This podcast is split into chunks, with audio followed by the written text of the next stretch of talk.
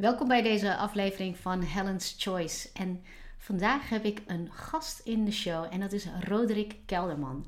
En Roderick is internationaal NLP mastertrainer en psycholoog. Um, Roderick is de oprichter van het NLP-instituut. Dat is het instituut waar ik zelf ook de opleiding voor NLP Practitioner heb gevolgd in 2017. Uh, en Roderick was dus ook mijn trainer destijds. En hartstikke leuk dat hij uh, in dit uh, gesprek wat meer wil vertellen over NLP, over persoonlijke ontwikkeling en coaching. En ook over het ondernemerschap. Dus er komen diverse onderwerpen aan bod. Um, en ja, het is echt heel mooi om te horen hoe hij er naar kijkt met alle ervaring die hij heeft. Um, hij heeft zoveel mensen opgeleid in NLP en dat doet hij nog steeds. Um, hij heeft boeken geschreven. Roderick is auteur van vijf boeken over persoonlijke ontwikkeling. En dat is ook vertaald in, in vier talen. En hij is ook uh, opgeleid door uh, oprichters van het NLP, door Robert Dilts en Richard Bandler onder andere. Dus heel veel plezier met deze aflevering. Je gaat hier hartstikke veel horen over uh, patronen die ons soms in de weg zitten om verandering door te voeren voor onszelf. Um, maar je hoort ook wat er eigenlijk voor nodig is om mensen daar ook echt goed mee te helpen. Om dingen te doorbreken. Uh, om het leven te leiden wat ze willen leiden. Om hun doelen te realiseren. En dat dat niet een, iets is waar je uh, eventjes aan werkt. Maar dat dat echt gewoon een duurzaam proces is. En dat is eigenlijk wat NLP ook is. Ik ben heel benieuwd wat je ervan vindt uh, en wat je ermee doet of wat je ervan meeneemt. En wil je dat met me delen, uh, doe dat dan via Instagram of mail me uh, of leg even contact via LinkedIn. Ik wens je heel veel luisterplezier en tot een volgende keer. Zo, welkom Roderick. Hartstikke leuk dat je in de podcastshow bent. Welkom. Dankjewel, ik vind het een eer. Bedankt voor de uitnodiging. Ja, heel leuk. En ja, ook heel grappig hoe dat eigenlijk zo tot stand is gekomen. want we hebben elkaar denk ik, uh, even kijken. In 2017 deed jij de NLP Practitioner opleiding bij mij. Oh, je weet het gewoon. Ja, ja. Dus dat is al wat jaren geleden. En onlangs kwamen we elkaar eigenlijk tegen. En ontstond het idee om uh, dit gesprek eigenlijk te voeren. Dus hartstikke leuk. En uh, ja, weet je, intussen is er natuurlijk een, een hoop, denk ik, gebeurd. Bij jou, bij mij. En nou, het lijkt me hartstikke leuk om uh, nou ja, met jou te hebben over verschillende onderwerpen. En onder andere natuurlijk ook over NLP. Uh, zou jij de luisteraar die daar nog niet zoveel van af weet, uh, kunnen vertellen wat NLP eigenlijk is en ja, wat je daar eigenlijk mee kunt en voor wie is dat interessant? Ja, NLP is mijn passie. Ik ben oorspronkelijk psycholoog en NLP is enorm praktisch op een bepaalde manier evidence-based. In die zin dat er een enorm uh, hoeveelheid theorie um, achter schuilt die wetenschappelijke uh, grondvesten heeft. En omdat het zo praktisch is, kan ik het heel goed doorleren. Dus ik pas het dagelijks op mezelf toe en ik kan het dan heel makkelijk op anderen toepassen. En um, wat het mij oplevert, is dat ik me lekkerder in mijn vel voel zitten. Mijn communicatie is echt dusdanig goed dat ik uh, in ieder gesprek eigenlijk wel weet hoe ik in mijn kracht sta en wat er aan de hand is op een dieper niveau. Dus dat ik in verbinding kan blijven met iedereen.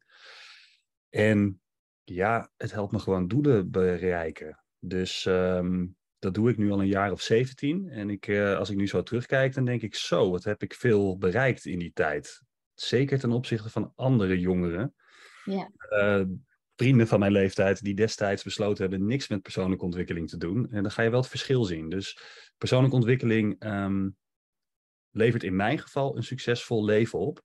Uh, en zowel de context maakt daar niet eens zoveel uit. En dat vind ik het mooie aan NLP. Het is geen dogma en geen religie. Het is mhm. echt een proces van zo werkt het. Volg de stappen en het leidt tot succes. Maak fouten in de stappen en je krijgt een ander resultaat en hoogstwaarschijnlijk ongewenst. En dan kan je dus dat proces weer bijtunen totdat je het resultaat bereikt. En dat is heel erg herhaalbaar. Ja. Dus, uh, en, en daarom, ik zie NLP ook in bijna elk zelfontwikkelingboek wat ik lees, zit ja. onder zitten NLP-processen. Ja, ja, ja, dus jij ziet NLP uh, eh, ook als, het is niet alleen een set van technieken, zeg maar, die je kunt toepassen. Het is veel meer dan dat. Het is een verklaring van waarom persoonlijke ontwikkeling werkt. Dat is het eigenlijk. Hmm. Ja. Super interessant. En nou zei je ook heel snel van ja, ik pas het ook uh, zelf toe, hè, dagelijks. Ja. Kun je, kun je uitleggen of een voorbeeld geven van hoe je dat uh, zelf gebruikt? Ehm, nou, ja, laten we gewoon de dag doorlopen. Als ik uh, s ochtends wakker word, dan spreek ik met mezelf intenties. Dan tune ik in in mezelf. Dan maak ik contact met mijn lichaam. Nou ja, dat, dat, daar kan je NLP voor gebruiken. En dan voel ik in mijn lichaam, wat zijn mijn intenties vandaag? Hoe wil ik me voelen? Uh, hoe wil ik me verhouden tot bepaalde dingen die ik die dag, uh, nou ja, waarvan ik verwacht dat ze komen? En dan gebruik ik een techniek, dat heet de New Behavior Generator, om mezelf daar op voor te bereiden. Dus ik kom ook niet onvoorbereid meer dingen in, zeg maar. Dus dan, hmm. ja, dan structureer ik zo mijn dag. Um, en nou ja, bijvoorbeeld voor dit gesprek uh, bereid ik me ook voor. Maar mentaal. Dus dan ben ik, uh, hiervoor ben ik wat anders aan het doen. En dan zit ik op het instituut. Daar gebeuren ook weer allerlei processen. Daar lopen nu uh, twintig practitioner deelnemers rond. Die allemaal in een prachtig proces zitten. Maar goed, dat, dat, dat kost mij ook, hoe zeg je dat, aandacht. Ja. dus ik moet een schakel maken. Als ik daar wegrij, van oké, mijn aandacht gaat nu daar even weg. En het gaat nu hierheen. Um, en dan ga ik bij mezelf afvragen, oké, okay, uh, doe ik eens een klein stukje zelfonderzoek. Van nou, uh, wat geloof ik eigenlijk over dit gesprek? Wat geloof ik over mezelf? Wat geloof ik over um, podcasts in het algemeen? En dan merk ik bij mezelf, oké, okay, ik, heb, uh, ik heb daar overtuigingen in dat ik gewoon bij mezelf mag blijven. omdat ik weet wie ik ben en weet wat ik doe en waarom ik het doe. Mm-hmm. Um, dus dan vind ik een soort van rust in mezelf van, nou, ik ga juist nu even niet voorbereiden. Maar de voorbereiding is dan eigenlijk juist die keuze maken. Dus als je voelt wat ik bedoel. Dus het is, een, het is wel een voorbereiding. Um, en dan, nou ja, als ik dan bijvoorbeeld zou gaan slapen, dan gebruik ik NLP-technieken om mijn volgende dag al te plannen, zodat ik headspace krijg om überhaupt te kunnen slapen. En ik gebruik ook zelfhypnose om gewoon heel makkelijk in slaap te vallen. Hmm. En als je zegt ik gebruik zelfhypnose, heb je dan zeg maar, een audio voor jezelf opgenomen die je dan beluistert? Vroeger wel. Uh, die kan je ook luisteren op uh, Spotify. Volgens mij ga jij de link uh, delen. Dus die dingen die, zijn, die, die delen inmiddels gratis. Ik vind het hartstikke leuk om te doen. Um, nee, ik doe dat gewoon zelf. Dus, dus als je genoeg hypnose leert en, en, en genoeg NLP oefent, dan heb je daar geen externe dingen meer nodig. Kan je dat gewoon volledig intern doen. Oh, ja. Wow. ja, ja, ja. hey, en um, ben ik wel benieuwd, hè? Want je zegt, dat is ook grappig, hè? vlak voordat we dit gesprek begonnen, toen zei ik van nou, ik bereid het eigenlijk niet voor. Zo'n gesprek met een, met een gast in de show. Uh, maar jij zegt, jij doet eigenlijk hetzelfde als ik. Ik bereid me wel mentaal altijd voor. Ik, ik stond wel even stil, maar dat kan ik doen terwijl ik mijn koffie aan het zetten was. Uh, stond ik er wel even bij stil van, weet je, ik ga gewoon het gesprek in als mezelf en ik volg gewoon mijn eigen nieuwsgierigheid. Omdat ja, ik ben geïnteresseerd in dezelfde onderwerpen als jij. En ik denk ook, hè, heel veel van mijn luisteraars zullen dezelfde onderwerpen interessant vinden. En dat is eigenlijk meer dan genoeg. Ik denk dat dat juist um, ja, een goede verbinding legt zeg maar, in het gesprek zelf. Dus eigenlijk heb ik het wel voorbereid, alleen niet door al van tevoren te bedenken waar we het allemaal over gaan hebben en welke vragen ik ga stellen.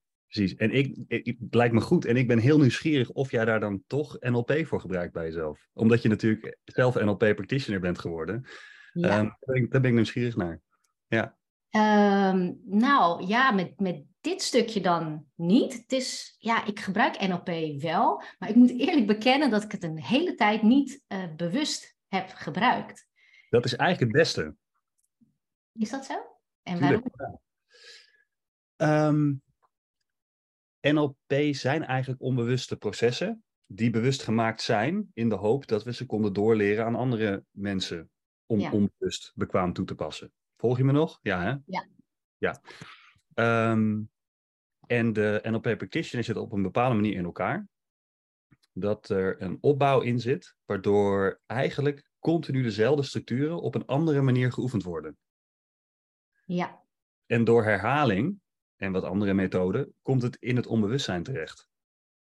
En doe je het eigenlijk vanzelf? Dat hoop je. Dat is wat, dat is wat ik de mensen gun die bij mij zitten. Hè, om een voorbeeld te noemen. Nou, ik, vind dat, ik zag dat gisteren weer. En dan, dan oh, mijn hart smelt. Ik, dan zit daar iemand en dan gaan we ankeren doen. En ankeren, dat ken je nog. Hè? Dat, dat is dat je, dat, dat je jezelf bijvoorbeeld aanraakt. En dat je dan een gemoedstoestand bij jezelf kan oproepen. Van bijvoorbeeld zelfvertrouwen. Ja. En dan zie ik daar iemand voor de groep. Dan heb ik iemand voor de groep. En dat zelfvertrouwen komt omhoog. Maar dat verbaast iemand dan helemaal. Dat, dat, dat schudt aan het wereldmodel. Van, huh, kan ik zelf zelfvertrouwen oproepen? En, en daarna wordt er een soort van link gelegd dat het alleen maar hierdoor komt. Dat ik, dat, dat ik die cliënt heb aangeraakt, dat daardoor het zelfvertrouwen omhoog komt. Maar daar gaat het helemaal niet om. Waar het om gaat, is alleen maar de overtuiging veranderen. Dat iemand zelf invloed heeft op zijn of haar eigen gemoedstoestand. En de tools meegeven dat iemand dat zelf kan. En langzaam die dag zie ik dat dan veranderen. Dus dan zie ik mensen zo, dan gaan die kwartjes vallen en dan, dan, dan zie ik die deelnemers zo denken, hey, zou ik zelf invloed hebben op hoe ik me wil voelen? En als dat waar is, hoe zou mijn leven dan anders zijn? Ja, en dat is natuurlijk het allermooiste. En daar, dat, dat bedoel ik met onbewuste integratie. Want als je dat, als je zo'n overtuiging hebt van ik, ik heb zelf ja, invloed op mijn eigen gemoedstoestand, ja, dan, dan, dan verandert zoveel in je leven. Hoe je, hoe je je verhoudt tot je werk, hoe je je verhoudt tot je partner, hoe je je verhoudt tot je kinderen. Ja. Ja, mooi is dat. Maar hoe weet jij dan? Want je vraagt nu net van, nou, gebruik jij het dan? Maar wat, wat, bedoel je daar dan mee als je dat zo vraagt? Gebruik jij dan NLP? Als het onbewust iets kan zijn. Nou, geloof jij dat je invloed hebt op je eigen gemoedstoestand, op hoe je je voelt? 100 procent, ja. Gebruik je NLP? Ja. Ja. ja. ja. dat is heel grappig, want ik heb het altijd, ja, zeker in het begin, ik heb het altijd gezien als een set van technieken die je eigenlijk leert. Terwijl, ja, ja, ik geloof zeker, ik weet gewoon zeker dat dat kan, dat je invloed hebt op je gemoedstoestand. Ik heb het zo vaak gedaan, bewust en onbewust gebeurt dat ook ja, Exact. En dat is waar NLP in essentie over gaat. Natuurlijk zijn er een hele hoop set van uh, tools. Mm nou ja, eh, weet je, ik gebruik bijvoorbeeld als tool gebruik ik het meta-model heel veel. Mm Ik zag toevallig van de week een filmpje. Robert Dilts, ik weet dat het is een van die NLP-oprichters. Ik weet dat hij met Elon Musk heeft mogen werken. En toen zag ik een interview van uh, Elon Musk met de BBC. Ja. De BBC was heel kritisch op Elon over zijn gedrag bij Twitter. Uh, en ik zag hem gewoon puur het metamodel gebruiken. Dus hij verdedigde zich niet, maar hij stelde alleen maar vragen aan die uh, interviewer, die, die echt wel daar met een intentie in kwam om Elon Musk een hak te zetten. Ja. En, het, en dan zie ik hem het, het, het metamodel toepassen. En ik, ja, ik, vind dat, ik word daar zo enthousiast van. Want Elon Musk hoeft zich niet te verdedigen. Hij blijft helemaal bij zichzelf. Hij stelt die man een paar vragen. En omdat de BBC natuurlijk zelf ook niet heel erg een held is in uh, vrije meningsuiting toelaten, uh, ja, praten die man zich helemaal, zichzelf helemaal vast. En Elon Musk hoeft alleen maar zo naar achter te leunen en, en zo te doen. Oh, dat is interessant. Ja. ja, ik, ik, en, dan, en dat zijn natuurlijk hele leuke tools ook om te leren. Ja, en kun je eens toelichten wat het metamodel eigenlijk is? Zeker. Uh, het metamodel, we noemen het ook wel de bullshit detector. Uh, maar het metamodel stelt specifieke vragen. Wat, wanneer en hoe. Dus niet de waarom-vraag. Um, omdat heel vaak mensen in aannames praten. Dus uh, wanneer aannames over jou gemaakt worden, um, dan, en je bent het er niet mee eens, dan kan je twee dingen doen. Uh, nou, drie eigenlijk. Je kan het of accepteren. Ja. Nee, nee is, is een optie. De ander is het gaan aanvechten. Dan heb je eigenlijk meteen een conflict. Ja. dat zie ik veel gebeuren. Ook op zich niet heel erg. Alleen is het de meest effectieve manier voor communiceren? Ik zou zeggen van niet. Ja. En het derde is het metamodel. En dan, ja, dan detecteer je dus de bullshit in de aanname die gemaakt wordt. En dan stel je de juiste vraag. Ja. Uh, bijvoorbeeld, ik noem maar een voorbeeld.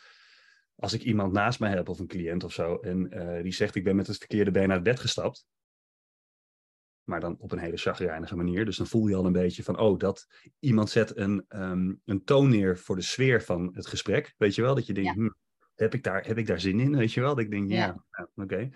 Um, dan check ik natuurlijk eerst even van, oké, okay, is er wat anders aan de hand? Heeft iemand wat meegemaakt? Of, of moeten we daar uh, aandacht voor hebben in die zin? Weet je wel, dat er, ik bedoel, als er wat anders speelt, dan, dan krijgt dat natuurlijk aandacht. Maar als dat niet zo is, dan stel ik de vraag aan zo iemand, goh joh, vind je het zelf niet zonde om jouw dag te laten bepalen door het been waarmee je uit bed stapt.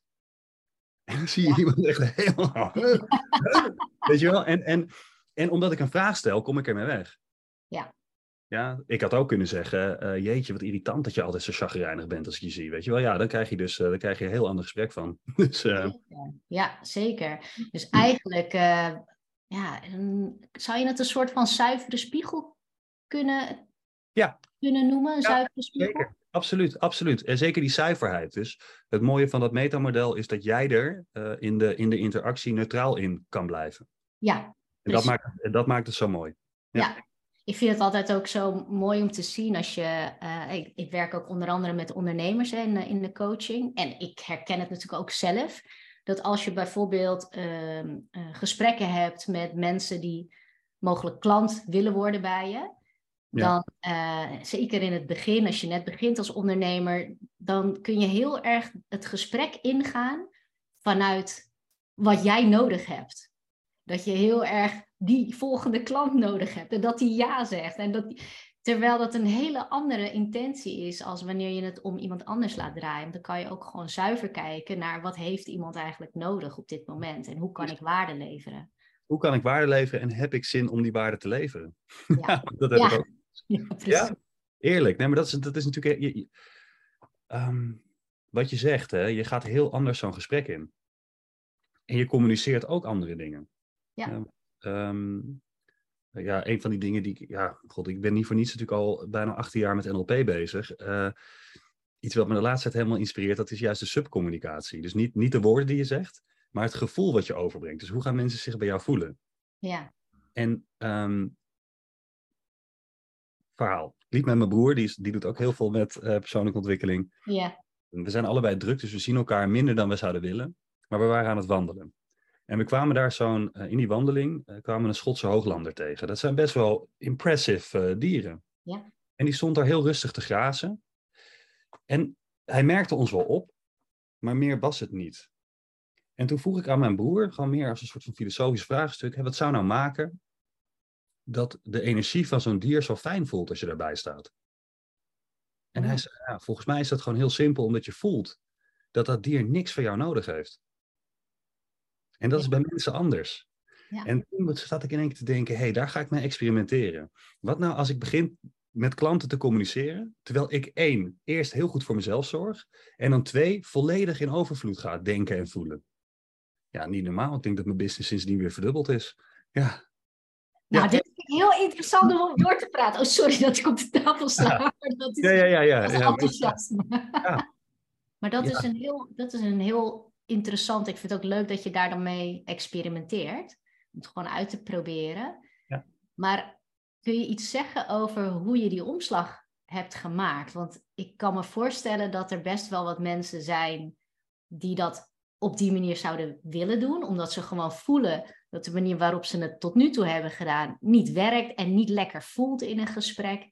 Maar hoe maak je dan die omslag dat het dan inderdaad hè, niet om jou gaat, je hebt niks van de ander nodig, Terwijl, ja, weet je, je bedrijf mag ook wel verder groeien en meer klanten hebben. Hoe, hoe heb jij die omslag gemaakt? Um, nou, ik, ik doe dus twee dingen. Eén, ik zorg eerst goed voor mezelf. Dus ik zorg er wel voor dat ik eerst oplaad. Dat doe ik bijvoorbeeld met sporten of juist een keer. Ik, ik, ik hou heel erg van floten. Voor de mensen die dat niet kennen, uh, dat zijn van die zoutbaden met magnesium erin. Dan lig je in een soort van um, uh, uh, nou ja, tank waar niet heel veel prikkels zijn. Voor mij is dat echt een manier om helemaal uh, tot rust te komen. Nou, dat is een van die manieren. Het is, ja, maar je kan het licht aanzetten of het is oh. donker. Ik vind het donker. Ja. Ik, ik kan me voorstellen. Ja, en, en dat klinkt spannend. En dan, als je dat een paar keer hebt gedaan, dan ben je over de angst heen. En dan wordt het heel fijn. Want je kan er gewoon zelf uit en je hebt controle erover. Dus het is echt niet eng. Ja. Uh, maar het is natuurlijk even nieuw, dus dat is dan wennen, weet je wel. Dus hetzelfde ik ga ook wel eens het ijswater in. Dat is ook zo'n ding wat heel veel mensen eng vinden. Ja, als je dat dan een paar keer doet, dan is, dan is doorgaan eigenlijk makkelijker dan stoppen. Want het is eigenlijk zo lekker. Dus net, ja, sport heb je dat natuurlijk ook mee. Uh, maar goed, uh, dat is één stuk, denk ik, zelfzorg. En dan de ander is, mijn focus ligt heel erg op, hoe kan ik de ander enorm laten slagen? Hmm. En dan kan ik bij mezelf invoelen, wat gun ik de ander? Weer die intentie. Het is intentie vooral. Ja, ja mooi dat je dat, uh, dat, je dat eruit haalt. Um, ja, nou ja, je, je, hebt vast ook al wat geleerd over modelleren, maar je weet natuurlijk vaak, een ander modelleren is makkelijker dan jezelf uh, modelleren. maar inderdaad. ja, nee, dus, dus, ja, nee, dat is intentie. En ik denk, en um, ik vertrouw erop dat als ik in contact kom met het gevoel van wat ik iemand gun tijdens dat gesprek, dat ik dat een beetje mee communiceer. Ja, ja, en tot nu toe lijkt dat te werken. Ja, misschien is het. Uh, kijk, dat is natuurlijk ook altijd interessant in zo'n persoonlijk onderzoek. Ik zie in mijn leven de resultaten. Uh, de, vraag is, de vraag is in hoeverre is dat uh, door te leren aan anderen. En dat, dat ga ik, denk ik, de komende maanden weer ontdekken door met cliënten daarmee te werken en te kijken of zij hetzelfde soort resultaten kunnen bereiken. Ja, supermooi. Ja, waar, waar, ik ook, waar ik ook aan dacht toen je dat zo vertelde, jouw eerste stap is goed voor jezelf zorgen. Ja. Nou merk ik ook bij mezelf, maar ook gewoon met klanten met wie ik werk, is dat dat zelfs moeilijk kan zijn voor ja. mensen. Ja. Dan voor je hoofd, het is logisch dat je goed voor jezelf moet zorgen. En vervolgens wordt er van alles van je gevraagd. Uh, ga je over je grenzen heen? Ik heb klanten die wel grenzen willen stellen, maar helemaal niet weten waar die grenzen nou eigenlijk liggen. Dus ja, weet je, als je dat zelf niet weet, wordt het ook heel moeilijk om ze te communiceren. En dus dat begint al met waar liggen mijn grenzen. Dus dat heeft ook te maken met het kunnen voelen daarvan, hè, wanneer je er overheen gaat. Um, is dat iets wat je, wat je ook herkent met, bij mensen met wie je hebt gewerkt? En hoe, hoe begeleid jij mensen daar naartoe dat ze hun grens bijvoorbeeld gaan herkennen en dus ook kunnen vasthouden en stellen? Ja, absoluut mooie vraag. Ik herken het uh, enorm. Uh, en ik denk, wat ik mooi vind om te horen, is dat dit ook wel de kern is ervan. Van coaching um, en wellicht van persoonlijke ontwikkeling. Um, omdat, um, ja, door overtuigingen te veranderen, verander je je gedrag uiteindelijk. Je, je kan ook coachen op gedragsniveau en dan vertel je mensen, nou, zo werkt het ondernemen. En dan uh, stap 1, KVK, stap 2, nou, vul de hele ding maar in. Uh, dat, dat, dat is ook mijn irritatie in, in persoonlijke ontwikkeling in het algemeen. Die one, one size fits all uh, formules. Vier stappen en je bent succesvol. Oh, dit is mijn ochtendroutine. Ja, ja, Leuk, leuk, leuk man dat dat jouw ochtendroutine is. Uh, maar punt 1, niet iedereen heeft een uh, sauna thuis. Niet iedereen heeft een helikopter thuis. En ook niet iedereen heeft een ijsbad thuis. Uh, dus daar gaat het al mis, wat mij betreft. en dan ook, wat voor jou werkt, werkt niet per se voor iedereen. Nee. En ik vind dat, in de wetenschap noemen we dat een error 1. In, in, in wetenschappelijk denken. Mm -hmm. Dat je de aanname maakt dat wat voor één iemand werkt, dat dat voor iedereen werkt. Maar zo werkt het niet. Je kan niet iets wat voor één iemand werkt generaliseren naar de massa. Nou, dat wordt in persoonlijke ontwikkeling heel veel gedaan. Dat is echt mijn irritatiepunt. Mhm. Omdat ik, ik, nou, ik weet gewoon dat dat niet werkt. Omdat voor het gemak laat zo iemand met, uh, nou ja, weet ik veel, 10.000 mensen op een podium even, even uh, de individuele verschillen tussen mensen weg. Voor het gemak. Oh, iedereen is hetzelfde. Nou, ja. Dat is niet zo. Dus in coaching kijk ik in eerste instantie, wie heb ik tegenover me zitten? Is dat iemand die altijd veel te hard gaat, omdat hij altijd de grenzen opzoekt? Dat soort type mannen heb ik wel eens in mijn praktijk. Mm maar ik heb ook mensen, ook mannen trouwens in mijn praktijk, en die zijn veel meer vermijdend eigenlijk. En die zijn aan het overcompenseren. Dus die gaan ondernemen om over te compenseren, om eigenlijk, uh, uh, omdat ze zo angstig zijn voor binding, bijvoorbeeld met, met, met een werkgever, dat ze dan maar gaan ondernemen. Dus, dus, dus ik kijk eerst wat zit daaronder. Ja. En dan, dan pas ga ik kijken, oké, welke, welke, uh, welke overtuigingen zijn er nodig om zo iemand, hoe zeg je dat? Um, in balans te krijgen. Ik zie het altijd een beetje als een wipwap of zo. Ja, dat, dat, dat kan één mhm. kant op gaan, dat is, niet, dat is niet handig. Het kan ook die andere kant staan, dat is niet handig. Hoe krijg ik iemand een beetje in het midden? Ja. Weet je wel? Um, uh, daarop aansluitend, een statement die mij erg inspireert is uh, normaliteit. Dat is verdunde pathologie. Dus het, dat, dat houdt in dat uh, iedereen een beetje getikt is, zeg maar. en daar ga ik ook vanuit. En, en zeker, zeker met alle respect ondernemers, zoals ik zelf ook. Uh, ja, ja eh, ik, ik, ik denk wel eens anders over dingen dan de gemiddelde mensen. Dat, dat, dat is... Ja. Ja dat, maar dat geeft, nou ja, wat, wat, wat Steve Jobs ook altijd zei, uh, people who think they can change the world, or people who are crazy enough to think they can change the world, uh, probably can. Ja. Dus je hebt wel met, ik heb dan, ik weet wel dat ik met bepaalde type mensen te maken heb. Oké, dus dan weet ik welke beweging maken zij uh, in, dat, in dat onbewuste overtuigingssysteem. Dus zijn ze vermijdend of zijn ze naartoe? Uh, en als ze te veel naartoe zijn, hoe rem ik ze af? En als ze te veel vermijdend zijn, hoe breng ik ze dichter bij zichzelf en gaan ze in beweging? Dan ga ik een paar overtuigingen bedenken, of met die cliënt of voor de cliënt, die wel krachtgevend zijn. Ja. Dus um, wat, voor, wat moeten ze geloven dat ze zouden helpen om iets te bereiken? Dan ga ik denken, oké, een overtuiging werkt zo. Je hebt een overtuiging, daar zit een soort van belang aan. Hè? Het levert me wat op, anders ga je het niet geloven. Dan heb je de overtuiging. Je hebt ook een stuk bewijs. En bewijs zijn de ervaringen die die overtuigingen ondersteunen. Ja.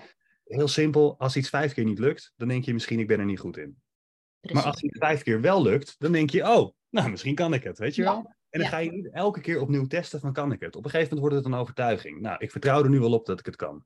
Oké, dan ga ik plannen in mijn hoofd, gaan al die rateltjes aan van, oké, wat voor scenario's kan ik met iemand creëren die bewijs opleveren dat iemand het anders mag doen? Zodat die overtuiging wordt versterkt. En dan gaat iemand zo'n ervaring in, hè? die hebben we dan samen besproken, van hey, is het niet een keer een idee om, uh, om eens tegen die klant te zeggen, ik heb helemaal geen zin in klanten zoals jij. Voor iemand die heel vermijdend is bijvoorbeeld en continu alles maar aanneemt. Die continu elke klant maar aanneemt, zich helemaal in, in de schompens werkt. Ja, ja, ja. En, en, dat ik dan eens zeg, oké, wat is je moeilijkste klant? Nou, kan je die klant de deur uitzetten? Gaan we eens kijken hoe, hoe, hè, wat daar gebeurt. Nou, dan doet, dan doet zo iemand dat. En dan, ja, eh, waarschijnlijk gaat iemand daar een beetje van wiebelen. met mijn cliënt. Dan, en dan, als hij de volgende week in mijn praktijk terugkomt, dan ga ik kijken, oké, hoe kunnen we die overtuiging van voor zichzelf opkomen, wat gaan versterken? Hoe kunnen we er bewijs van die ervaring maken dat het eigenlijk positief is? Ja. Zodoende.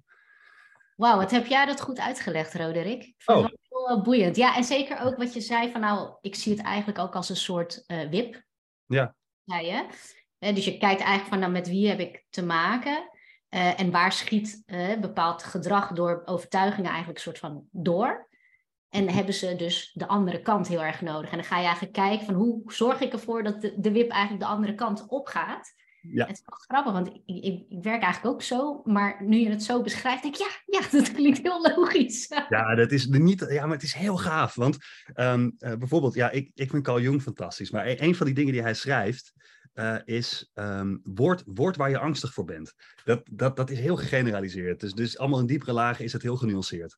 Maar juist die dingen die je niet durft te doen, die je vermijdt, als je daar je cliënt in kan krijgen, ja. met, met het juiste bewustzijn natuurlijk, daar zit zoveel kracht. Ja, dat, ik dat, dat het zijn de mooiste momenten ja, in precies, precies, precies. Dan, dan, dan, uh, uh, ik heb wel eens gehad met de cliënt, uh, heb ik wel eens gehad, inderdaad zo'n opdracht van nou, ontsla die cliënt van je eens.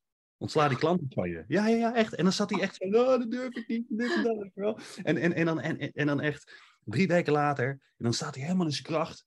Ik zou nooit meer met zo iemand werken. denk je echt van, fantastisch. Ja, dat is zo goed. Ja, en, en dan ook zo van, ik heb in één keer zoveel leuke klanten om me heen. Weet je wel, ik denk, ja, maar dat, dat, dat is ook wat je uitstraalt.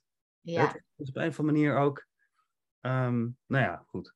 Ja, ik denk dat jij om iemand zo ver te krijgen dat dit ook echt doet, juist datgene waar die zo bang voor is, daarvoor moet jou, jouw connectie met diegene zo goed zijn. Dat hij ook vertrouwt daarin. Om dat ook echt te gaan doen, om zichzelf eigenlijk echt te pushen om dat te doen. Ja. Ja. Dat is echt ja. Uh, ja, super mooi als dat gebeurt, inderdaad. Ik had uh, laatst ook uh, met een klant die, um, ja, die zich zo aanpast aan de mensen om zich heen. Dat ze eigenlijk zelf niet meer wist wat ze nou wilde. En wat ze nou leuk vindt of belangrijk vindt. En echt op allerlei vlakken. Ja. En, ehm, en op een gegeven moment heb ik dat helemaal uitgevraagd van... Uh, ja, maar wat zou er op dit moment goed zijn voor jou? Wat zou voor jou prettig zijn? Weet je, hoe lang wil je bijvoorbeeld uittrekken voor nou, waar je nu mee bezig bent? Dus is er echt bezig van, nou, wat voor carrièrekeuzes wil ik eigenlijk maken in de komende periode? Nou, toen gaf ze een bepaalde termijn aan. Ja, als ik heel eerlijk ben, want ja, ze gaat natuurlijk kijken van, oh ja, maar we hebben ook geld nodig en eh, ik moet rekening houden met mijn partner en dit en dat. En daardoor is datgene wat ze eigenlijk wil, dat komt eigenlijk nooit op tafel. Hè, maar wordt het helemaal een soort van verwaterd tot iets waarvan zij denkt van, nou, weet je, daar kan mijn, mijn partner uh, zich ook wel, uh, wel oké in mee zijn, zeg maar. En door in dat gesprek eigenlijk hardop te laten zeggen wat de werkelijkheid is voor haar, wat, wat het eerlijk is wat ze nodig heeft. Voelde ze ook opkomen hoe spannend dat was om daar vooruit te komen. Maar om dan vervolgens te zien dat ze daar ook echt iets mee doet, door het gewoon te bespreken en ook bereid zijn om een nee te krijgen of eh, een, een andere mening te horen. Ja ja, dat, is, dat vind ik zo krachtig en vind ik zo mooi. En, en toen we het daarna er nog over hadden, toen was ze daar ook echt heel trots op. En, en ik ook, ik vond het echt zo goed. En dan merk je van, hé, hey, maar hier is echt iets in gang gezet. Dat als ze dat nu doorpakt en nog een paar keer doet, dan verstevigt dat dat gevoel van, ja, ik mag ook gewoon uitspreken wat ik nodig heb. Ja, ah, dat is echt super mooi. Dat is zo mooi. In het begin van je verhaal voelde ik ook, als je dat vertelt, van ja, wat een eenzaamheid schuilt daar dan eigenlijk onder. Hè? Als je ja. continu maar, ehm, nou ja, zo met anderen bezig bent, dat je gewoon echt jezelf eigenlijk uh, verliest daarin. Hè? Niet, niet, ja, je kan jezelf natuurlijk nooit kwijtraken, maar het is natuurlijk wel een emotionele ervaring. Ehm, van niet meer thuis zijn bij jezelf. Ja. En daar, ik voel daar heel veel eenzaamheid onder. Sommige mensen die dat ervaren, die, heb, die, die, die, die ervaren die eenzaamheid niet eens meer. Zo, zo ver zijn ze bij hunzelf weg. Ja. En dan kan het best een reis terug zijn om terug te komen. Maar het is zo mooi. En, en ehm, mijn ervaring daarin ook is, in mijn, in mijn eigen leven, maar ook bij cliënten, dat, dat als je je eigen behoefte aangeeft, dat eigenlijk heel veel mensen best echt heel erg bereid zijn om uh, daaraan te voldoen, zeg maar. Weet je? Dus, alleen, alleen en, en pas dan ga je echt contact maken met mensen. Omdat je dan vanuit jezelf contact maakt. Ja. Ja. Want daarvoor ben je als pleaser eigenlijk contact aan het maken. Ja, maar wat laat je dan zien van jezelf? Ja, ja en het is natuurlijk ook de vraag van waarom, waarom doe je dat eigenlijk? Wat, wat probeer je nou eigenlijk te vermijden misschien door dat op die manier te doen? Ja. Ja, of probeer je in stand te houden. Ja. En uh, ja, goh, dan kun je op allerlei patronen uitkomen. Um, die waarschijnlijk heel veel hebben opgeleverd vroeger. Ja, ja en, en wat ik dan altijd een soort van de uitdaging vind. Hè, want ja, je bent ondernemer, dus je, moet ook, je bent ook bezig om naar buiten toe te communiceren. Op social media bijvoorbeeld. Ja. Um, wat de juiste mensen aantrekt die je zou kunnen helpen. Maar eigenlijk het werk wat je doet is zo gelaagd. Er zit zoveel achter wat er eigenlijk gebeurt als je bezig bent met het doel om bijvoorbeeld een carrière switch te maken. Dat is een van, een van de doelgroepen waar ik mee werk. Ja. ja. een carrière switch maken klinkt alsof je gewoon even moet uitzoeken wat je nou wil. En, en dan doe je het ook. Maar ja, het, klinkt ook, het klinkt ook alsof die carrière dan alles voor je gaat oplossen. Ja, ja. precies. En, en ik probeer ook over te brengen. En daarom vind ik uh, podcast bijvoorbeeld vind ik zo'n mooie manier om eigenlijk veel meer context te geven um, bij het verhaal van wat is er nou eigenlijk nodig om zo'n verandering teweeg te brengen. Want wat heb je daaraan om van omgeving te wisselen als je eigenlijk niet weet waar je zelf behoefte aan hebt, wat je verlangens zijn. Hè, uh, wat, wat voor soort omgeving je eigenlijk nodig hebt om echt tot bloei te komen. Dat is voor iedereen anders. Ja. En als je dan ook nog iemand bent die zich zo makkelijk aanpast aan de omgeving, dan dat is aan de ene kant je kracht. Ja. Maar misschien ben je daar wel zo ver in doorgeslagen dat je gewoon twijfelt aan wat je zelf wil en wat je zelf vindt. Dat je denkt van ja, ben ik, ben ik nou gek dat ik het anders vind? Iedereen zegt maar ja en amen, dus dan zeg ik het ook maar. Zolang je daar niet aan werkt, wordt het ook moeilijk om een carrière switch te maken en werkgeluk te gaan ervaren. Exact, exact. En dan, dan, dan is de eerste vraag natuurlijk, oké, hoe breng je jezelf weer terug in contact met wie je, ja, met wie je bent eigenlijk? Ja. en, en, en dat kan een, een, een, een, een hachelend proces zijn, omdat um, enerzijds weten we allemaal niet 100% wie we zijn, dus dat is altijd een beetje fluïde. Maar je kan wel heel goed voelen, als je, als je, daar, als je dat hebt ervaren, is het goed te voelen voor mensen of ze dicht bij zichzelf staan of niet dicht bij zichzelf. Ja. Dan komen we eigenlijk weer in het begin van ons gesprek terecht. Van ja, het mooiste wat ik dan in zo'n opleiding, bijvoorbeeld een van de mooie dingen die ik in zo'n opleiding zie, is wat gisteren gebeurt, dat iemand de overtuiging verandert van, huh, ik heb dus echt zelf invloed op hoe ik me voel. Ja. En wat daar gebeurt, is in plaats van dat het gevoel extern bepaald wordt, verandert de overtuiging van, oké, de omgeving maakt bepaalt niet hoe ik me voel, mijn interne omgeving, mijn interne milieu bepaalt hoe ik me voel. En daar heb ik aan te werken. En dat is zo, zo'n verschil.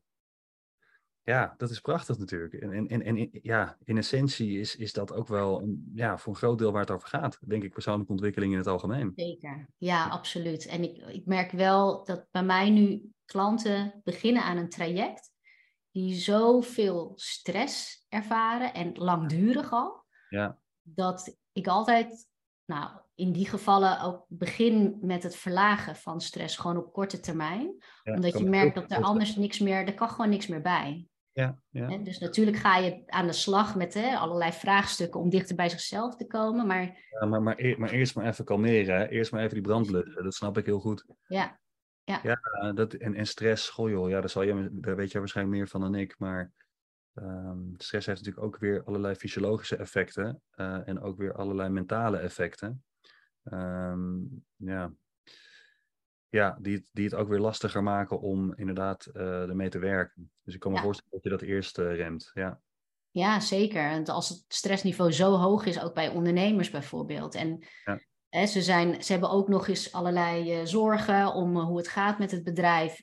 En, en je moet dan ook nog klanten aantrekken, de juiste klanten aantrekken, verkoopgesprekken voeren.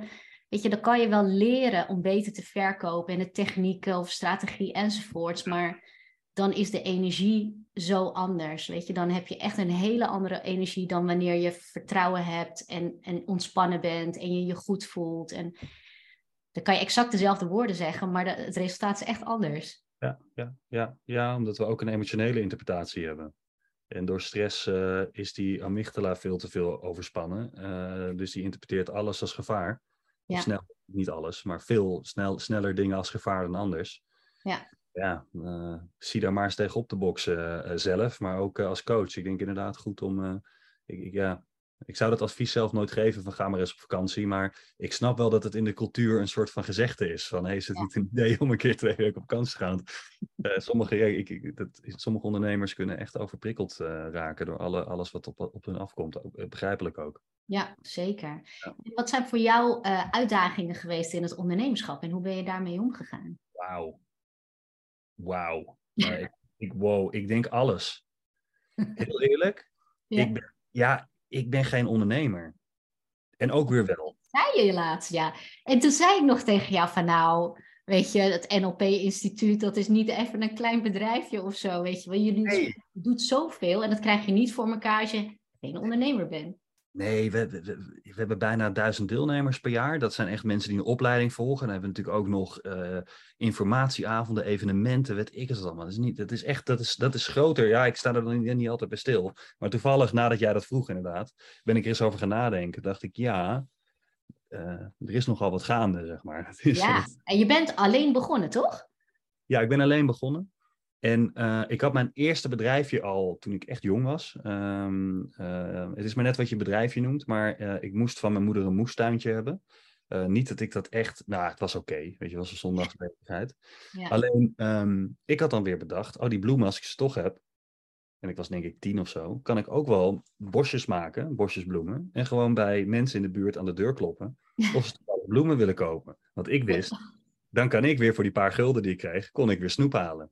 De ondernemer in jou. Ja, Toevallig, eh, ik zat laatst in de krant eh, dat eh, de bie was overleden. Lieve man. En ik was zijn, vlas, zijn, zijn, nou, zijn vaste bloemist, denk ik niet. Maar ik, hij, hij kocht altijd bloemen voor mij als, als kind. Hij woonde bij ons om de hoek. Ja. Ehm, dus niet alleen heb ik er hele fijne herinneringen aan, maar het was ook gewoon leuk. Dus ergens zit ondernemen in mijn bloed, denk ik. Ehm, want zo ben ik allerlei bedrijfjes begonnen later. Ik, mijn vader hielp daar ook mee hoor. Ik had eh, bijvoorbeeld eh, eh, allemaal autowasklanten in de buurt. Kreeg ik een emmertje van hem mee en, ehm, en wat, wat turtle wax en zo. En wat leuk was, als het dan op was, dat, dat wist ik nooit, want mijn vader had het dan alweer bijgevuld. Dus, dus alle, alle ja, goed, maar dat, dat was leuk. Alleen hij zei een keer tegen mij van, hey, goh, als jij dat maar blijft doen de hele tijd, die auto's wassen, dan ben jij een uur kwijt. En je krijgt, wat was het destijds, kreeg ik 15 gulden of zo. mhm. Je kan ook eens kijken of een klasgenootje voor jou goed is in auto's wassen. Die stuur je naar die klant en die geef je dan 10 gulden. Ja, dan hou je 5 over. Dan kan je, Wow. dan kan, je- dan kan je zelf nog een auto wassen ernaast en dan verdien je sneller geld. Dus zo is het allemaal begonnen. Ehm, en toen, ja, toen ben ik denk ik op mijn zeventiende heb ik voor het eerst de NLP Practitioner gevolgd. Ja, Ik was toen wel met de helft eh verschil de jongste in die groep. Eh, mede ook waarom ik later zelf NLP voor jongeren ben gaan geven. Ehm, maar ik werd zo gefascineerd door NLP. Ik weet niet wat het was. Ik, het, het- het- achteraf gezien is het bijna alsof ik in dienst werd genomen. Zo van, dit is gewoon wat je moet gaan doen. ja, Ehm, en ik heb er sindsdien ook nooit meer aan getwijfeld. Ik, ik, ik ben het, ik, nou goed, ik studeerde natuurlijk al psychologie. En ik ben alles wat ik leerde met psychologie en met NLP in de praktijk te gaan toepassen. Alles. En dat Ah. deed ik als ik uitging, dat deed ik als ik met vrienden was. Ik leerde ook vrienden kennen die, die samen met mij dat soort experimentjes gingen doen. Eh, een van die concepten bijvoorbeeld is rapport op één golflengte komen met mensen uit NLP. Dat is natuurlijk een heel leuk concept, maar eh, dat gaat natuurlijk makkelijker met de mensen die hier liggen. Ja. Dus ons experiment was, Wij gaan rapport maken met gokverslaafden in de kroeg die achter zo'n ding zitten. Met zwervers, met gekken op straat, weet je wel. Ja, echt fantastisch. Ja, zo, zo leuk. Ehm, en daarin ben ik een soort van talent geworden, zou je, zou je zeggen. Ik ben gewoon goed in mijn vak en dat inspireert me ook. Ja. Nou, en toen gaf ik een hele tijd die trainingen alleen. Superleuk. En toen werd het in één keer groter. Want hoe, hoe klein begon je toen je die trainingen gaf? Ik begon nou zo, oh, wat heb ik daarvan genoten achteraf. ik had 0 euro, ik was nog aan het studeren. Ik kon Ja. vaak niet eens, eh, ik, ik, ik had meer maand over dan geld, zeg maar. Ja. Elke maand weer. Ehm, vaak at ik gewoon eh, op een gegeven moment brood met pindakaas en zo, weet je wel. Gewoon echt dat, dat niet echt gezonde dieet. Ja. Eh, maar ja, weet je, het scheelt ook wel weer dat je dan twintig bent en jong en zo. Dus dat, dat, dat is allemaal oké.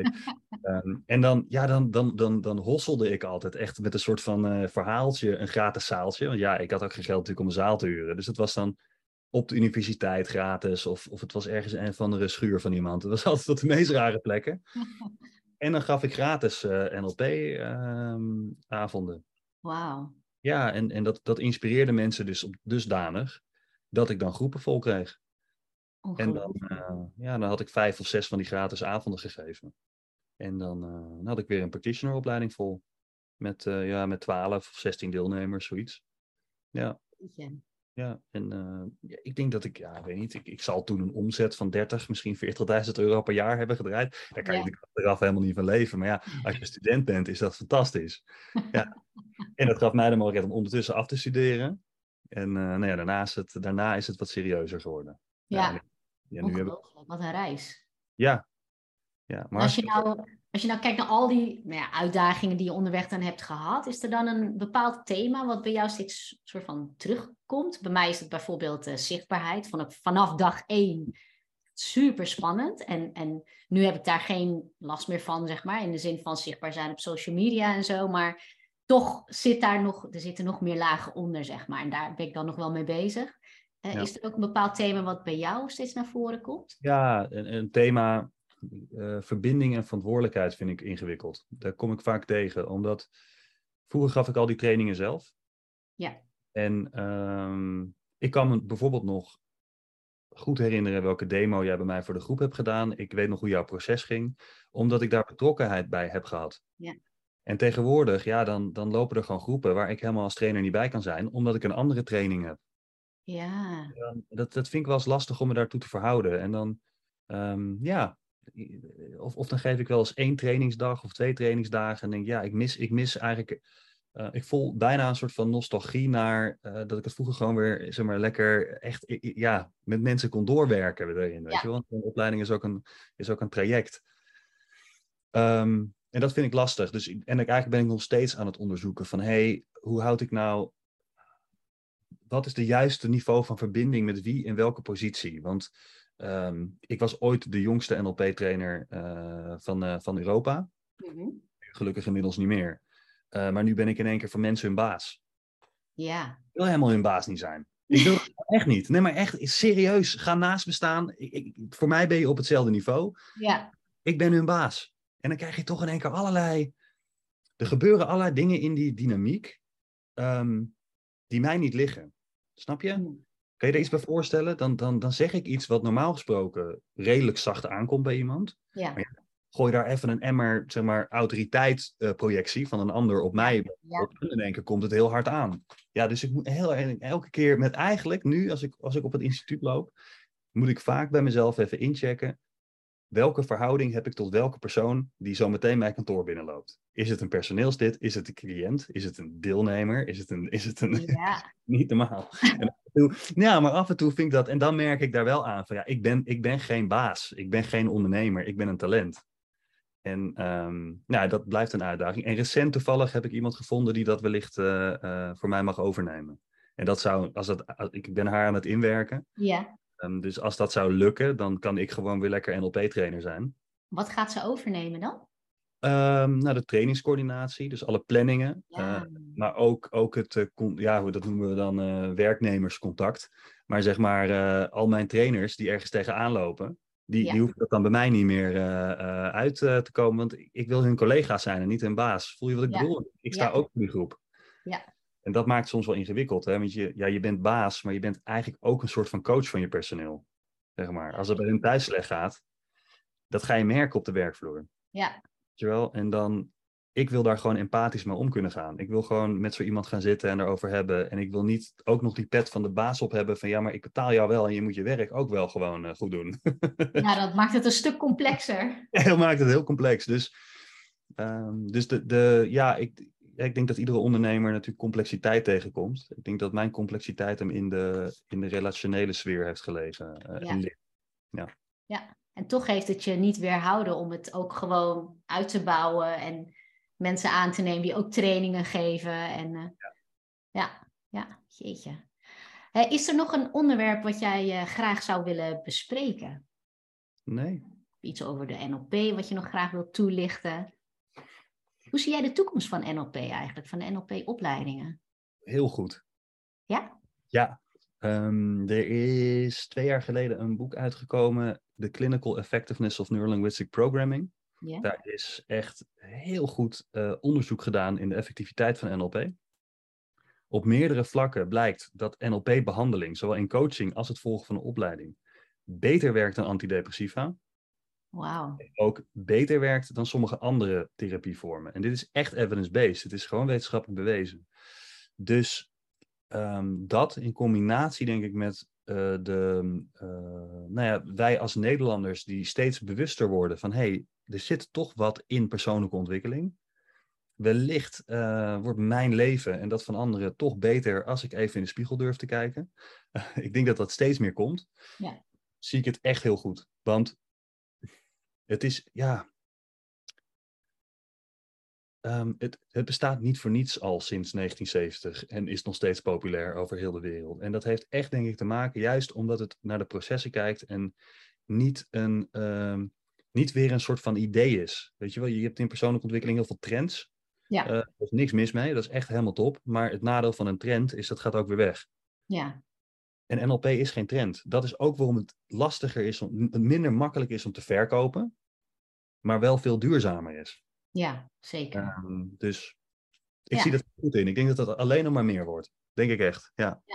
Ja, het is ook veel bekender. Ik bedoel, heel veel mensen weten al wat NLP is. Nou, heel veel natuurlijk ook niet, maar... Nou, en je merkt- ik laat me dit vertellen. Toevallig, ja, Ja? Ik, zit al, ik zit al, wat is het, eh, 17, 18 jaar in dit vak. Was ik in Limburg, out of all places. En ik ben daar op een familiefeestje. Super gezellig. Mhm. Ze vragen, wat doe jij? Nou, vroeger had ik gezegd, eh, weet je, 18 jaar geleden had ik gezegd, oh, ik ben student, eh, ik, ik ben een bedrijfje aan het opzetten. whatever. Ik zei, eh, ik ben NLP-trainer, zeg ik. En ik heb, eh, oh, en wat dan? En dit en dat. En eh, ik zeg, nou, eh, weet je, wat, wat doe je dan? Ik zeg, nou, ik heb bijvoorbeeld vijf boeken geschreven over het onderwerp. Ja, die, die staan gewoon in de bruna als je, als je het wil, als je het een keer wil kopen. ja, NLP, dat ken ik. Ja, En, en op, het, in die hele, eh, op het hele verjaardagsfeestje werd, werd NLP positief ontvangen. En toen merkte ik van ja, weet je, hier zie je weer aan dat het echt, eh, echt aan het loskomen is. Waar, waar het 18 jaar geleden geassocieerd werd met emulatorband, chakra en, en nou, gewoon dingen die, ja, die minder eh, positief waren, was het nu echt heel anders. Dus ehm, ik zie er wel verschil in. ja, wat mooi. Nou, ben ik ook heel benieuwd. Hè? Mensen die eigenlijk geïnteresseerd zijn in persoonlijke ontwikkeling, en zeker eh, bij coaches zie je dat ook veel, die gaan dan op zoek naar ook allerlei ja, nieuwe technieken. Eh, die zijn allemaal nieuwsgierig naar eh, emotional freedom tapping en allerlei andere dingen. Heb jij dat ook? Doe jij dat ook? Ik doe dat niet. Ehm, ik heb veel met Amerikanen gewerkt in de coaching een tijdje, omdat ik daar wat opleidingen volgde en daar gewerkt heb. En zij noemden het mooi, wat mij betreft, dat veel mensen op zoek zijn naar de magic pill. Ja, En dat betekent dat ze met één methode hun hele leven oplossen. Ja. Ehm, hey, ik gun het je als het zo is. Ik meen het echt serieus. Als jij met één techniek je hele leven oplost, fantastisch. Persoonlijk is het voor mij anders gelopen. Ehm, eh, ik heb vaak technieken geleerd die me dan echt even een high geven. Voor een high bedoel ik dat ik me even goed voel en mijn kracht voel voor een week. Mhm. Dan weer terug in mijn oude patronen. Ja. Ja, dus dan kan ik, oké, dus dan, dan heb ik bij mezelf beseft, oké, ik ga persoonlijke ontwikkeling doen. Nou, dan is het doel toch dat je een fijner leven hebt. Ja. Nou, toen kwam ik op een gegeven moment bij mezelf achter, oké, dus ik wil een fijner leven, succesvoller. Dus succesvoller betekent voor mij minder in die ratrace zitten. minder, eh, zeg maar, meer, meer geld overhouden dan maand. In plaats van meer maand overhouden dan geld. Dat was een van die doelen van mij. Ja. Oké, dan ga ik nu allerlei technieken, freedom tapping en weet ik wat allemaal doen voor mezelf. En dat is eigenlijk weer een soort van nieuwe ratrace. Terwijl, ja, toen ik, werd ik me bewust van het feit, je komt gewoon het proces niet onderuit. En met het proces bedoel ik het proces van, van jezelf leren kennen. En onderzoeken van, hé, hey, wat werkt voor mij? Eh, nogmaals, waarom ik NLP zo ontzettend gaaf vind, omdat het het proces is. En daarom kan ik met het proces kijken, wat werkt voor mij, wat werkt voor Helen, wat werkt voor iemand anders. Want dat zijn net andere nuances. Wat jij nodig hebt is weer anders dan eh, bijvoorbeeld wat voor mij werkt. Ja. Ja, als, als jij zegt, bijvoorbeeld, hè, dat vind ik dan heel mooi. Jij, jij gaf aan van ja, zichtbaarheid is voor mij een thema. Nou, dat is het voor mij toevallig niet.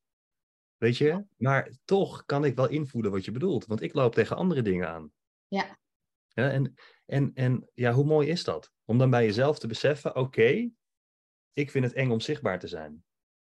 Ik voel nu al dat als jij daar zeg maar stappen in gaat maken en juist die angst gaat opzoeken, hoe spannend dat ook is, dat je daar als een, als een tijger uitkomt, of tijgerin in jouw geval, omdat je helemaal in kracht gaat staan, weet je wel. En, en, en dat zijn de processen die je bij jezelf wil gaan onderzoeken en gaan, gaan activeren. En dat doe je niet weet je, ik kan jou een NLP-techniek geven en, en je tapt jezelf en je, visu- je, je visualiseert je drie dingen en ik geef je een anker en jij voelt je fantastisch hoor, voordat je het podium opgaat. Maar heb je dan naar het dieperliggende proces gekeken? Nee. Ik bedoel, ik wil niet heel lullig zijn, maar had je dan niet net zo goed even een, eh, een eh, ontspanningstabletje van de huisarts kunnen nemen? Weet je, ik bedoel, wat ben je dan aan het doen, hè? Of, of, wil, je- zeg maar, of wil je echt veranderen? En wat mij betreft gaat persoonlijke ontwikkeling over echt veranderen. Dus ehm, heb ik daarmee je vraag beantwoord? Want volgens mij... eh. Ja, absoluut. Ja, maar ik kom daar ook op omdat ik het veel zie. En ik, ik heb ook Ja. een beetje die neiging om af en toe gewoon een soort van afgeleid te raken door allerlei nieuwe dingen. Om soms een heel groot deel van succes, hè? Oké, als je dus dicht bij jezelf komt. Dat Ja. is stap 1. Wat je ook met je cliënt had, die uitdaging. Eerst landen in jezelf. Eerst thuiskomen in jezelf. Dan is goed voelen waar je heen wil in je leven. En, en, en maak dat zo, zo visueel, specifiek mogelijk als het kan. Maar in, in, theorie zijn we niet eens in staat om verder dan vijf jaar... Onze, nou ja, ik denk dat dat al moeilijk is. Maar we kunnen, we kunnen doen alsof we vijf jaar de toekomst in kijken. Oké. Wel vaak, als we, wanneer we onze eigen kernwaarden ontdekken, wanneer we daar weer mee in gevoel komen, kan je wel een soort van richting voelen van waar, waar moet ik heen in mijn leven. Het enige wat je daarna hoeft te doen, want ook, ook, ik, kom ook allemaal van die doelenstelprogramma dingen tegen en stappen en denk, oh wat een gelul weer, daar gaat het helemaal niet over. Eh, Precies wat me zo irriteert, die, die, die, die one size fits all dingen. Dit is hoe iedereen doelen bereikt. Vijf stappen. Hallo, geloof je het zelf? We hebben, fuck, sorry, maar 7,5 miljard mensen op de planeet. Vijf stappen, dat bereikt iedereen zijn doelen. Waarom is de wereld dan nog niet veranderd? Waarom zijn we dan nog niet op Mars? Waarom, ik bedoel, snap je? Als dat, als dat zo makkelijk zou zijn, dan hadden we die problemen niet gehad.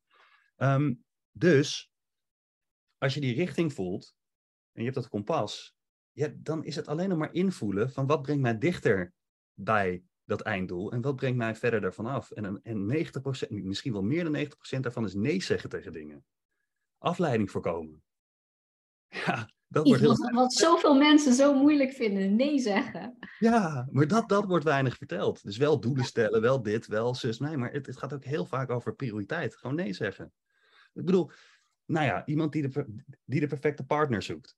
Als, jij, als, als, als het jou lukt om 20 dates per maand te hebben, ik weet niet hoor, ik noem maar even iets, en jij zegt vaak genoeg nee, dan zit er statistisch tussen die eh, paar honderd dates die je zou hebben, een keer de perfecte partner voor jou tussen. Dat kan niet anders. Ja. En hetzelfde is met klanten, met, met, met, met, maar ja, wel eerst bij jezelf en daarna kijken waar je heen wil natuurlijk. Maar Ja. dat is het. En hoe zelfbewuster je eigenlijk wordt. En, en dat je ook dingen bij jezelf gaat herkennen. Waarom je nou eigenlijk die nieuwe techniek opzoekt. Of kijkt hoe een ander iets doet. Hoe makkelijker het wordt om eigenlijk weer terug te gaan naar... Oh ja, wat is het ook weer wat voor mij belangrijk is. Wat voor mij werkt. En Ja. wat is dan de volgende stap? Exact. En wat heb ik al in mezelf? Ja. Wat ik kan gebruiken om naar de volgende stap te komen? En heb ik wel iets anders nodig extern? Nou, heel vaak is het antwoord: ik heb die externe dingen eigenlijk niet echt nodig. Nee, precies. En soms is het gewoon spannend om op jezelf te vertrouwen. En ik denk dat dat gewoon een spier is die je ja, vaak moet gebruiken. Om dat ook... Ja, mooi gezegd. En wat als? Wat als jouw eigen oordeel het hoogste oordeel is? Ja, dat is een mooie. Ja. wat, wat, wat als jij niet meer kan vertrouwen op het oordeel van je vader of van je moeder? Wat als je niet kan, eh, zeg maar, wat als, als, als er geen God is die, jou, die jouw oordeel voor jou goedkeurt of afkeurt? Wat als jij degene bent die je eigen oordeel en je eigen keuzes goedkeurt of afkeurt? Ja, dan kom je, dan kom je bij je eigen hoogste moraliteit en, en zijn. En dan, ja, dan, kom ik weer bij Jung. Die zegt op zo'n moment als je daar komt, dan integreer je God eigenlijk in jezelf. Want Jung zegt, God zit in jezelf. Nou, de Bijbel zegt het eigenlijk ook, Jezus zit in jezelf. Maar dat gaat wel over, waar leg jij de macht? Hè? Leg je dat, zeg maar, de, de, de macht van goedkeuring? Leg je die buiten jezelf? Dan komen we weer helemaal terug naar het begin van ons gesprek. Geloof je dat die dingen buiten jezelf liggen? Of geloof je dat ze in jezelf zitten? En dat is fantastisch. Dat, nou ja, goed. Als je dat, ja, ik echt, als je dat, ik denk, nou ja, ik denk daarin blijven oefenen. En het blijft een proces, want ik merk bij mezelf ook dat ik daar nog wel eens vanaf ga. Mhm. Maar hoe, hoe- vaker ik mijn eigen oordeel durf te vertrouwen en, en, en hoe, ik- hoe- in hoe meer context ik dat kan toepassen, ja, hoe meer mijn leven wordt zoals als ik dat wil, maar ook hoe meer ik me echt puur kan verbinden met de mensen in mijn omgeving. Want er, zit, er, er komt steeds minder ruis tussen. Super mooi. Ja, Mooi uitgelegd. En wat is coaching eigenlijk een heel mooi vak? Ja, dat vond ik sowieso al. Maar weet je, er is ook zoveel shit over coaching. Dat dit mag ook gezegd worden. ja joh, de coaching is echt een fantastisch vak. Ja. Fantastisch, omdat, oh man, kijk, kijk, het verschil tussen een therapeut en een coach is een therapeut op een of andere manier heeft een neiging, ik bedoel, ik wil het niet generaliseren, maar therapie heeft een neiging om ehm, eh, eh, naar het verleden te kijken. En, en, en naar de, de, de dingen, en dat is ook goed, hè, daar is ook plek voor, naar de kwetsbaarheden, naar, naar eh, waar het ego eh, wankelt en dat te versterken. Het is echt mooi en dat moet, ook, dat moet er ook zijn. En ehm, coaching doet vooral werk in het hier en nu en naar de toekomst. Oké, wat heb je wel in huis? Hè, dat eerst. Hoe kom je in het hier en nu in verbinding met jezelf? En waar gaan we daar naartoe? Ja, ik word daar iets enthousiaster van. Ik denk dat het en-en kan, want ik heb ook heel vaak mensen gehad die eerst dit werk doen en dan bij mij komen en dan gaan we gewoon lekker gas geven. Ehm, Ja. ja, ik word daar enthousiast van. En hoe tof is dat met coaching, weet je? Ehm, Zeker, en, eh, maar heel vaak kan het ook allebei inderdaad in een traject voorkomen. Dat je wel eh, even bepaalde dingen soort van belicht. En, en dat dat inzicht of dat begrip zeg maar al iets doet met wat je, ja, wat je nu zeg maar sterkt in de volgende stappen. ja. En, dat je en- dan inderdaad naar de toekomst gaat werken. Ja, en, en ook op missieniveau. Hè? Eh, vooral het werk. Kijk, we zitten dan in hetzelfde vak. En wat ik mooi vind aan wat jij doet, is die ondernemers helpen. eh, is dat je ook. Je, je hebt echt de potentie. Jij hebt de potentie om via een ander, zeg maar. Als je iemand, als je een goede ondernemer goed helpt, zo'n ondernemer kan misschien de, echt, echt de wereld verbeteren. Ja. Omdat met een bedrijf kan dat. Met een bedrijf kan je dat impact maken. En, en dat is toch zo tof om op die energie in te tunen als coach. Dat je gewoon iemand voor je hebt, dat je denkt, oké, jij hebt zoiets moois de wereld te brengen. En nu zien tien mensen het. Maar de wereld wordt beter als 10.000 mensen dat zien. Dus dan sta je daar echt als een soort van cheerleader. Van, ja, weet je. Ja, dat is toch tof. Ik weet het is gewoon mooi. Ja, super gaaf. Ja, dat vind ik ook zo cool aan mijn werk, inderdaad. Ja. Roderick, als mensen nou denken, ik wil meer weten over NLP, het NLP Instituut of over Roderick, wat kunnen ze doen? Hoe kunnen ze je volgen? Ehm, Instagram, Roderick Kelderman. Er moet zo'n ad voor, geloof ik. Mhm. Gewoon mijn naam en achternaam. Eh, het NLP-instituut. Daar eh, kan je de opleidingen vinden en ook wel gratis informatieavonden. En ehm, als ik hem geef, staat mijn naam erbij. Eh, en op heel veel dingen zijn mijn trainers veel beter dan ik. Dus dan, dan is het juist wel leuk om bij hun te, te, te zijn. En, een, en een hypnose had je het over, hè? Een opname. Ja, en hypnose inderdaad. Eh, op Spotify deel ik, eh, delen wij vanuit het NLP-instituut eh, hypnoses. En f- ja, ik zou het eigenlijk begeleide meditaties willen noemen, maar er, er Mm. zitten wat hypnose dingen in. Ehm, Waar kun je dat voor gebruiken? ja, voor ontspanning en ook wel voor. ehm, nou, ik heb bijvoorbeeld eentje opgenomen. Hoe heet die? Volgens mij heet die iets van ontdekken wat je wil. Ergens in die Mhm. trant. Maar dat gaat bijvoorbeeld over in contact komen met jezelf. Oh ja, kijk, hartstikke mooi. Ja, ik ga alle links sowieso eh, delen in de show notes. Ja. Hartelijk bedankt voor dit gesprek. Ik vond het echt Ja. superleuk dat je dat wilde doen. Oh, ik En, zie trouwens de meditatie heet jezelf zijn. Ik zag hem net. Jezelf zijn. Ja. Oké, nou die gaan we toevoegen natuurlijk. Ja, Eh, super. nou, bedankt. Eh, luisteraars ook heel erg bedankt. En eh, tot een volgende keer. En Roderick, heel veel succes met alles wat je gaat doen. Dankjewel, jij ook. Dankjewel.